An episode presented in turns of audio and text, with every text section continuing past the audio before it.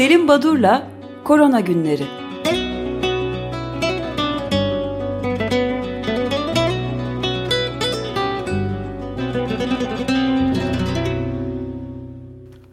Günaydın Selim Badur, merhabalar. Günaydın efendim, günaydın Özdeş Feryal, günaydın herkese iyi haftalar. Ee, günaydın. Şimdi bu haftaya baktığımız zaman e, haftanın ilk günü yine sayısal değerlere bakalım. Dünyada bir günde son 3 gün içinin ortalaması 829.905 olgu yine olgu listeye eklendi. Ee, yani göreceli bir azalmadan sonra tekrardan ivme kazanmış durumda. Ancak bu ivmede e, biraz önce siz Hindistan'dan bahsettiniz. Ben de Hindistan'a ait bazı bilgiler aktaracağım bu, bugün.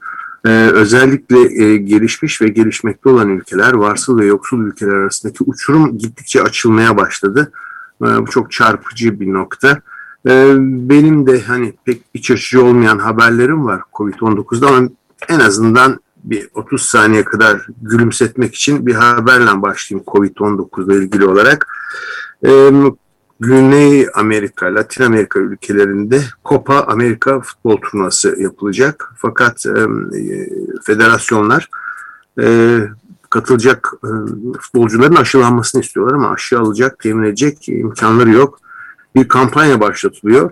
E, kampanyanın liderliğini ya da lokomotifinde Lionel Messi yürütüyor. E, Messi e, Çin Sinovac aşısından 50 bin doz kendisi çabasıyla e, sağlıyor bu futbol turnuvasındaki oyuncuları aşılamak için. Neye karşılık? 3 adet imzalı forma yollamış. 3 imzalı forma yollayınca Sinovac'ta 50 bin doz aşı göndermiş. E, Copa Amerikan futbol turnuvasında bu da böyle bir e, hoş bir jest Amerika olarak Kupası, evet. evet geçsin e, Messi'nin e, Sinovac'a yaptığı bu e, alım şekli. E, tabii e, ilginç ve e, olumsuz haberleri e, bir e, bilim dünyasıyla e, ilgili olarak e, verip başlayayım. Sigaranın COVID-19 riskini düşürdüğünü savunan bilim insanlarının tütün endüstrisinden para aldıkları e, belirlendi. European Respiratory Journal dergisinin e, son sayısında e, bir yazı çıkmıştı. İşte bu, bu, bu daha önce çıkan yazıda sigara işte koruyucu e, özelliği var diye ama yazarlardan Jose Miller ve e, ikinci yazar Konstantinos Poulas'ın ee, özellikle e, e, sigara e, şirketleri tarafından, tütün endüstrisi tarafından finanse edilen dünyası, e, Dumansız Dünya Vakfı'ndan görev yaptıkları anlaşılıyor. Şimdi bu çelişkili bir görülüyor ama ben bunu Sayın e, Türkiye'deki tütünle mücadelede e, öncülük yapan e, Sayın Elif Dağlı'dan öğrenmiştim. Örneğin Türkiye Cumhuriyetlerinde de e, sigarayı bırakma kampanyalarının tamamının sponsoru Philip Morris'ti. Philip Morris şirketi. Yani burada bir e, hani ayrıntısına şu anda girmeyelim ama e, buna pek e, güvenmemek lazım. Bu kampanyalar aslında hani bel altı vuruşları gibi dolaylı yoldan sigarayı destekleyen ya da içimini körükleyen bir takım sloganlar içeriyor. Bu ortaya çıkmıştı. Demek ki hala devam ediyormuş bu durum. E, tütün endüstrisi e, tarafından finanse edilen bu Dumansız Dünya Vakfı'ndan e, fon alıyorlarmış. Fon alan bir bilim ve inovasyon merkeziymiş. Geçen programda bahsetmiştim bu Covid-19'un politika etkiyle ilintisi British Medical Journal'da çıkan ve derginin e, editörü e, Kamran Abbasi tarafından yazılmış bir buçuk sayfalık bir yazı COVID-19 Politicization, Corruption and Suppression of Science diye. Bilim üzerinde nasıl bir baskı olduğunu anlatıyor bu bir, bir buçuk sayfada bu editör. E, e, politikacıların ve hükümetlerin e, yani İngiltere'de ne yaptığını, nasıl e, engellendiğini bazı bilimsel verilerin, nasıl yasaklar geldiğini, ya da e, ülke çapında bir takım onay merkezlerinin e, nasıl politikacılar tarafından e, manipüle edildiğini ve kararlarını e, yönlendirdikleri anlatılmakta. E, biz biliyorduk Trump döneminde e, FDA kuruluşunun e, önce hidroksiklorokin daha sonra remdesivir için nasıl politik baskılar sonucunda onay verdiğini benzer bir durum ee, İngiltere'de Scientific Advisor Group for Emergency kısaca SAGE diye geçen grup bunun üzerindeki e, etkilerini ve nasıl baskı yapıldığını anlatıyor. Yani bilimin bağımsızlığını e, bu dönemde e, nasıl yitirildiğini. Şimdi Türkiye'den haberlere geçmeden önce bir yumuşak geçiş yapayım bu karamsar haberlere. Bunları e, söylemek için önce Belçika ve Hollanda'dan bir haber. E, kamuoyunu ve bazı lobilerin baskısı sonucu e, olgu sayıları henüz önlemlerin gevşetilmesine e, ne imkan tanıyacak kadar o düzeye inmediği halde bir takım e, e, önlem gevşetmelerine gidiliyor, bir takım yasaklar kaldırılıyor. E, ama ülkeler buna hazır mı acaba? Çünkü pazartesi günü Brüksel'de bir yangın e, meydana gelmiş ve bu yangındaki ağır yaralılar için yoğun bakımda yatak bulunamamış. E, Brüksel'de bir tek yatak varmış. Ülkede de 82 boş yatak varmış. Bütün bu yangında ağır yaralanan ve yoğun bakım gerektiren hastalar hepsi e, helikopterle Almanya'ya sevk edilmişler.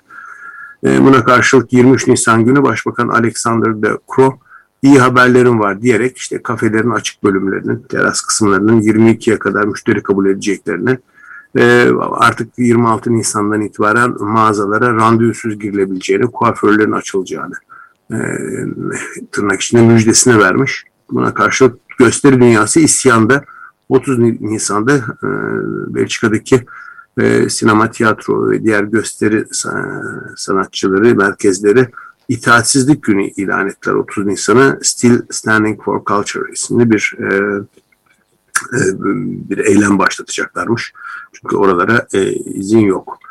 Şimdi yangından bahsedince Brüksel'de tabii siz de değindiniz. E, trajik olaylardan bir tanesi Irak'taki e, 24-25 Nisan gecesi İbn el Katip, Katip Hastanesi'nin yoğun bakımdaki yangın. Önce 23'ten de daha sonra en az 82 kişinin e, yaşamını yitirdiği çünkü e, oksijen e, tüplerinin ya da hastalar için uygulanacak e, oksijenlerin stoklandığı yerde gerekli güvenlik önlemleri alınmadığı için herhalde oksijen tüplerinin peş peşe patlamasıyla e, ciddi bir e, yangın ve e, çok ciddi bir kayıp, çok trajik bir olay. Üç gün ulusal yas ilan edilmiş e, Irak'ta. E, tabii bir diğer önemli e, e, olumsuz gelişmeler, trajik gelişmeler Hindistan'dan bildiriliyor sürekli olarak. Şimdi geçtiğimiz hafta Dünya Sağlık Örgütü e, evet bazı Avrupa ülkelerinde e, yeni olgu sayılarında yüzde üçlük bir e, azalma olduysa da dünyada işler böyle gitmiyor. E, ve Hindistan günlük olgu sayısını e, 300 bin üzerine çıkarttı e, deniyor ve dünyada da ee, geçen hafta 83 bin ölü vardı. Ee, bir hafta öncesinde 76 bin ölüm vardı. Yani e, durum pek iyi gitmiyor ama ilginç olan bu iyi gitmeme hep artık e, gelişmekte olan ülkeler üzerinden e, kayıtlara geçiyor. Şimdi e, Hindistan'da yine değinildi e, açık gazetede e, hastanelerde oksijen savaşları başlamış durumda. Kaç kişinin öldüğü artık bilinmiyor e, yaşamını bitiren ailelerin aykırışları işte çeşitli videolar var. Yani susmak bilmiyor, artık sayılamıyor. Hindistanlı doktorlara göre de e, artık durum kabul edilemez halde. 23 Nisan Cuma günü bir rekor kırıldı. 346 bin olgu saptanmıştı. Bu söylendi ama 25 Nisan'da bu arttı sayı 352.991 e, bir günde Hindistan'da yaşamını yitirenlerin sayısı 2812. Uluslararası yardım talebi var. Çünkü e, insanlar artık e, hastane kapılarında ölmekteler. Ve özellikle oksijen sıkıntısı e, söz konusu. Bunun için uluslararası yardım başlatılıyor. Hafta sonu e, ilan edildi. Amerika, Almanya, İngiltere, Rusya hatta e, uzun süredir e, sürtüştüğü e, ülke Pakistan oksijen yardımında bulunacağını söylediler. İyi de oksijen yardım edecekler ama o oksijenin e, uygulanacağı solunum cihazları o, ve e, cihazlar eksik. E, başkentte e, pozitiflik e, %32'lere varmış durumda Yeni Delhi'de. Durum kritik. E, başka kentlerden Yeni Delhi'ye giden oksijen kamyonlarına saldırılar olmaya başladı. Hiçbir kent sakini e, kendi oksijenlerinin yeni Delhi'ye e, ulaştırmasını istemiyorlar. E, böyle bir e, durum var. Şimdi Hindistan'a ait bir iki... Hava, hava e, kuvvetleri de galiba e, şu anda dağıtıma başlamış. Evet yani bir, bir, olağanüstü bir duruma doğru gidiyor e, bölgeler. Şimdi Hindistan'da ilginç bir nokta var. e, baktığımız zaman e, Hindistan'ın bazı bölgelerinde yapılan seroepidemiolojik çalışmalar yani kimler virüsle temas etti, kimlerde antikor var diye bakıldığında bazı bölgelerde %50'ye varan bir seropozitiflik saptanmıştı. E, yapılan hesaplara göre işte 1.4 milyarlık ülkenin e, 270 milyondan fazla insan enfekte olmuştu Hindistan'da. Şimdi bu kısmen de olsa bir e, hep bahsedilen toplumsal bağışıklığı sağlamak için yeterli olabilecek bir sayı diye değerlendiriliyordu. E, ve e, bu iyi bir şey olabilir diye düşünüyordu ama hiç öyle olmadı. E, bu e, çok sayıdaki yüksek orandaki seropozitifliğe rağmen e, enfeksiyon, e, yeni enfeksiyon olguları gittikçe daha fazla bildiriliyor. Hatırlarsak eğer bu durum bu Brezilya'daki Manaus bölgesinde de ortaya çıkmıştı. %76'sı orada pozitifti. Ama yeni varyantlar, enfeksiyonlar çok hızla artmıştı. O zaman bu toplumsal bağışıklık dediğimiz konu acaba yürümüyor mu? Ya da bizim beklentimiz şeklinde e, seyretmeyecek gibi görünüyor. Bu tabii çok e, düşündürücü ve e, karamsarlığa yol açacak bir durum. Neden böyle diye bakılmış. E, işte yapılan çalışmalar daha e, daha çok e, kentlerde e, yapılan çalışmalardı bu antikor çalışmaları ama e, kırsal bölgede ne olup bittiğini bilmiyorduk. Oralarda insanlar enfekte olmamıştı e, ve pozitif değillerdi. E, antikorları yoktu. Onlarda olgular çoğalıyor dendi. E, ikinci bir neden hem Brezilya hem Hindistan için e, bu e, ülkelerde e, dolaşma varyantların girmesi. E, şimdi biliyorsunuz bu varyantların sayısı artacaktır. Başlangıçta İngiltere, daha sonra Güney Afrika, Brezilya, e, arada e, Nepal çıktı, Japonya çıktı, e, Şili varyantı, Amerika'daki farklı Kaliforniya, New York varyantları. En son bir Brezilya varyantından bahsediyor. Brezilya varyantı B1617.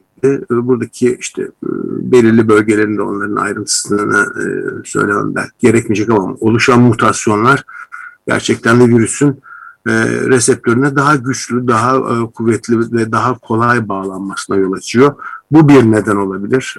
Hindistan ve Manao, Manao'da da Brezilya'da da Brezilya varyantı devreye girdikten sonra olgular artmıştı.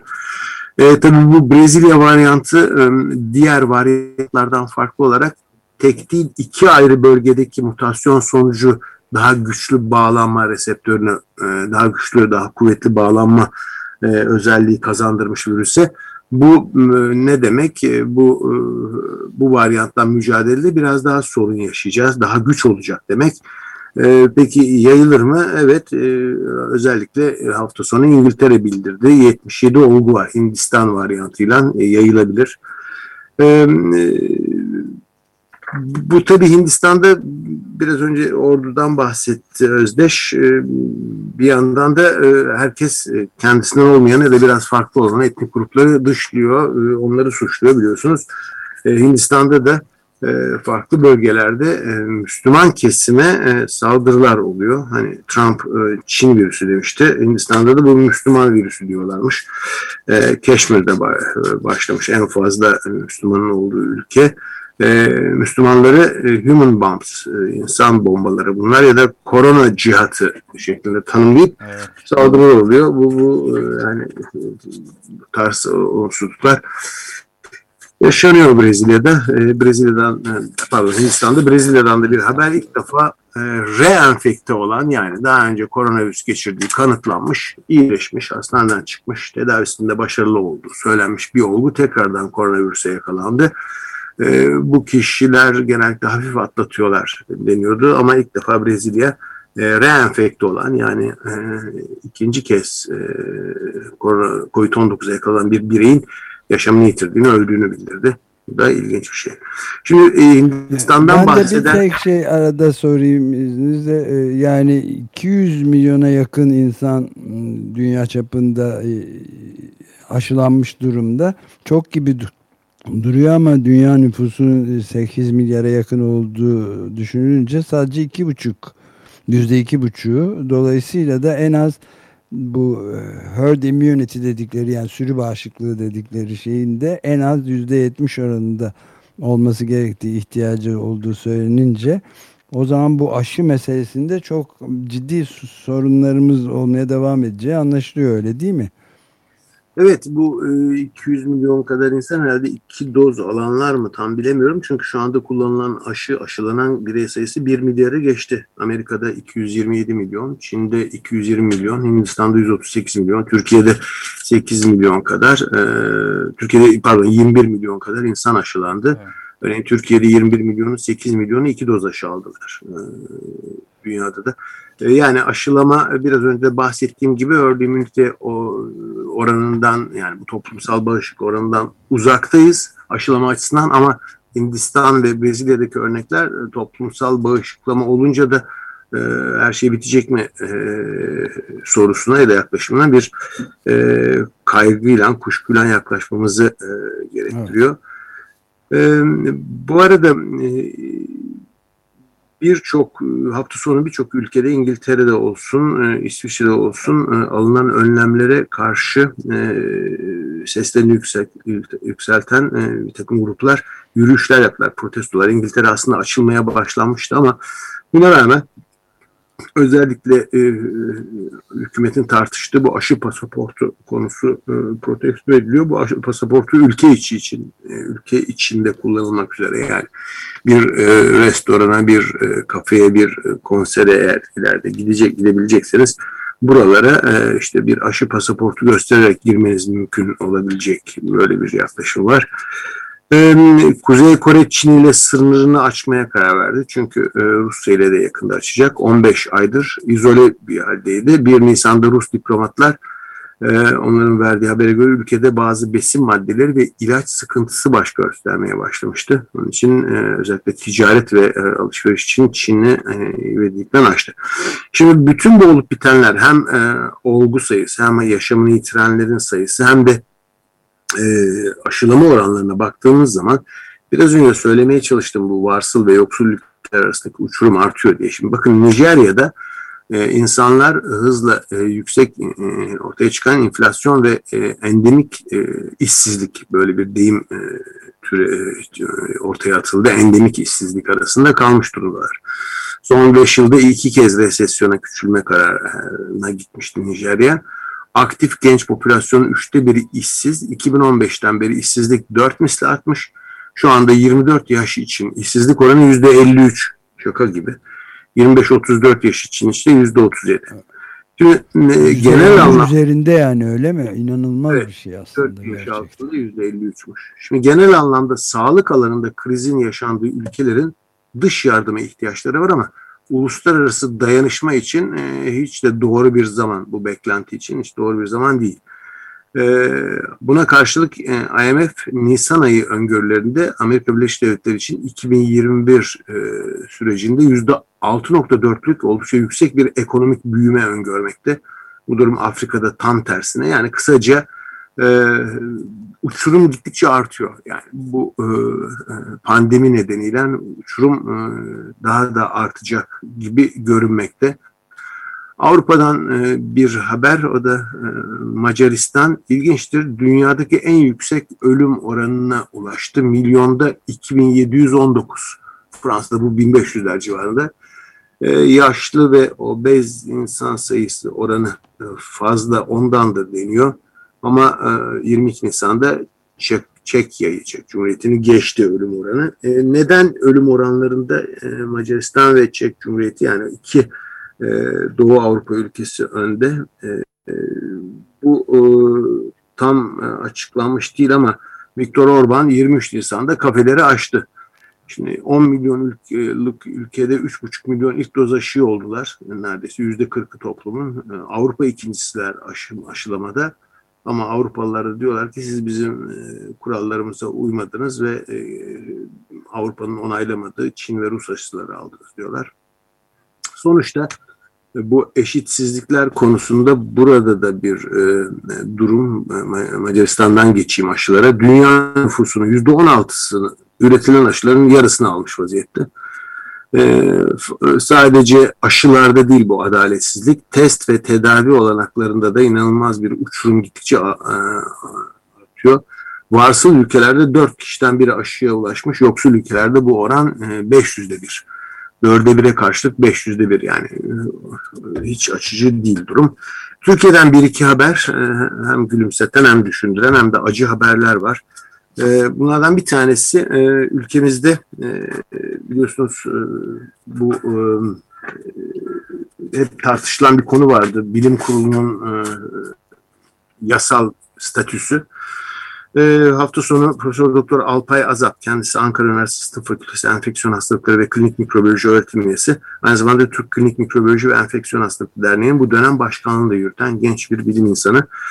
E, Alpay Azap bilim kurulundan e, ayrıldı, istifa etti diye bir haber var. Tabii bunu okuyunca bunda bir hata var çünkü yani herhangi bir yere atanmış ya da görevlendirilmiş değil ki istifa etsin. Yani siz bulunduğunuz bir mevkiden istifa edersiniz. Böyle bir mevki yok. Böyle birim kurulunun çünkü bir yasal bir statüsü yok. Nitekim Cumhuriyet Halk Partisi Milletvekili Mustafa Adıgüzel e, kuruldan fiilen ayrılan Alpay Azap'ın durumunun için mecliste bir e, e, mecliste taşıyor bu konuyu. E, iyi de diyor bilim kuruluna ait bir kuruluş kararı yok diyor. Sağlık Bakanlığı'nı aradım. Bulaşıcı Hastalıklar bölümünü aradığımda oradan resmi olarak böyle bir kurulu olmadığı, kurulu üyelerinin sadece Sağlık Bakanlığı'nın danışma kadrosu gibi görev yaptığını söylediler diyor. Yani gerçekten bilim kurulu e, hani ist, herhangi bir yasal statüsü olmayan böyle havada kalmış bir şey bilim kurulu üyeliği. E, bu ilginç. E, en azından Sayın Azap'ın e, göreve devam etmeyeceğim ya da bu kurulda artık ben yokum e, demesi e, statüyü de ortaya koymuş oldu. E, acı bir haber e, de e, AKP'nin etik kurul başkanının e, bir tweet'i bilmiyorum gördünüz mü? E, AKP'nin e, bir kurulu varmış. E, Siyasi Erdem ve Etik Kurulu Başkanı. E, etik Kurulu'nun başkanı bu kişi. Profesör Doktor Kemalettin Aydın. Aynı zamanda televizyonlarda e, COVID-19 tartışılırken bazı programlarda da katılan e, Sağlık Bilimleri Üniversitesi Rektör Yardımcısı. Şimdi bu kişi Artı TV programcısı gazeteci Erk Acarer ile sosyal medyada tartışan İçişleri Bakanı Süleyman Soylu'ya şöyle bir mesaj atmış. Ya siz e, cevap vermeyin ona striknin yollayın. Yani zehirleyin diyor. E, bu işte sizden e, farklı fikirleri olan gazeteciye tweetle cevap vereceğiz de siz ona striknin yollayın deyip dozunu da vermiş hatta.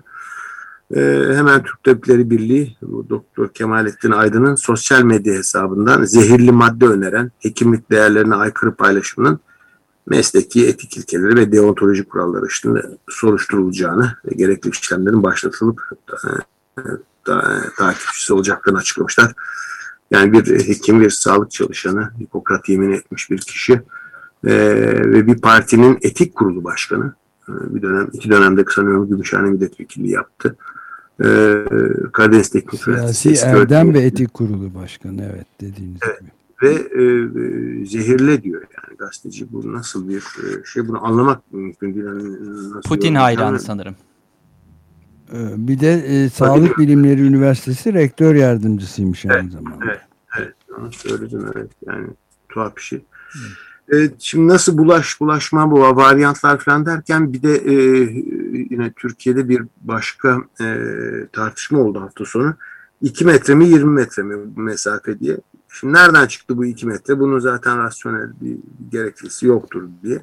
Hayır var aslında 2 metre e, kuralı e, solunum yollarını tutan enfeksiyonlarda damlacık e, enfeksiyonu şeklinde bulaşan e, öksürme, aksırma, e, hapşırma sırasında çıkan damlacıklarla bulaşan örneğin grip ya da e, nezle ya da RSV falan isimlerini saymama gerek yok.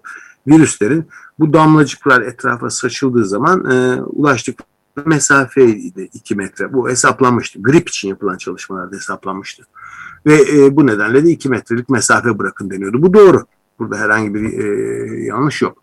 Ama daha sonra e, COVID-19'un yani SARS-CoV-2'nin e, havada aerosol şeklinde asılı kalabileceği anlaşılınca ve bu 2 metrenin ötesine de gidebiliyor virüs. Yani bu nedenle bu 2 metre mi 20 metre mi e, tartışmasının kaynağı buradan e, ortaya çıktı.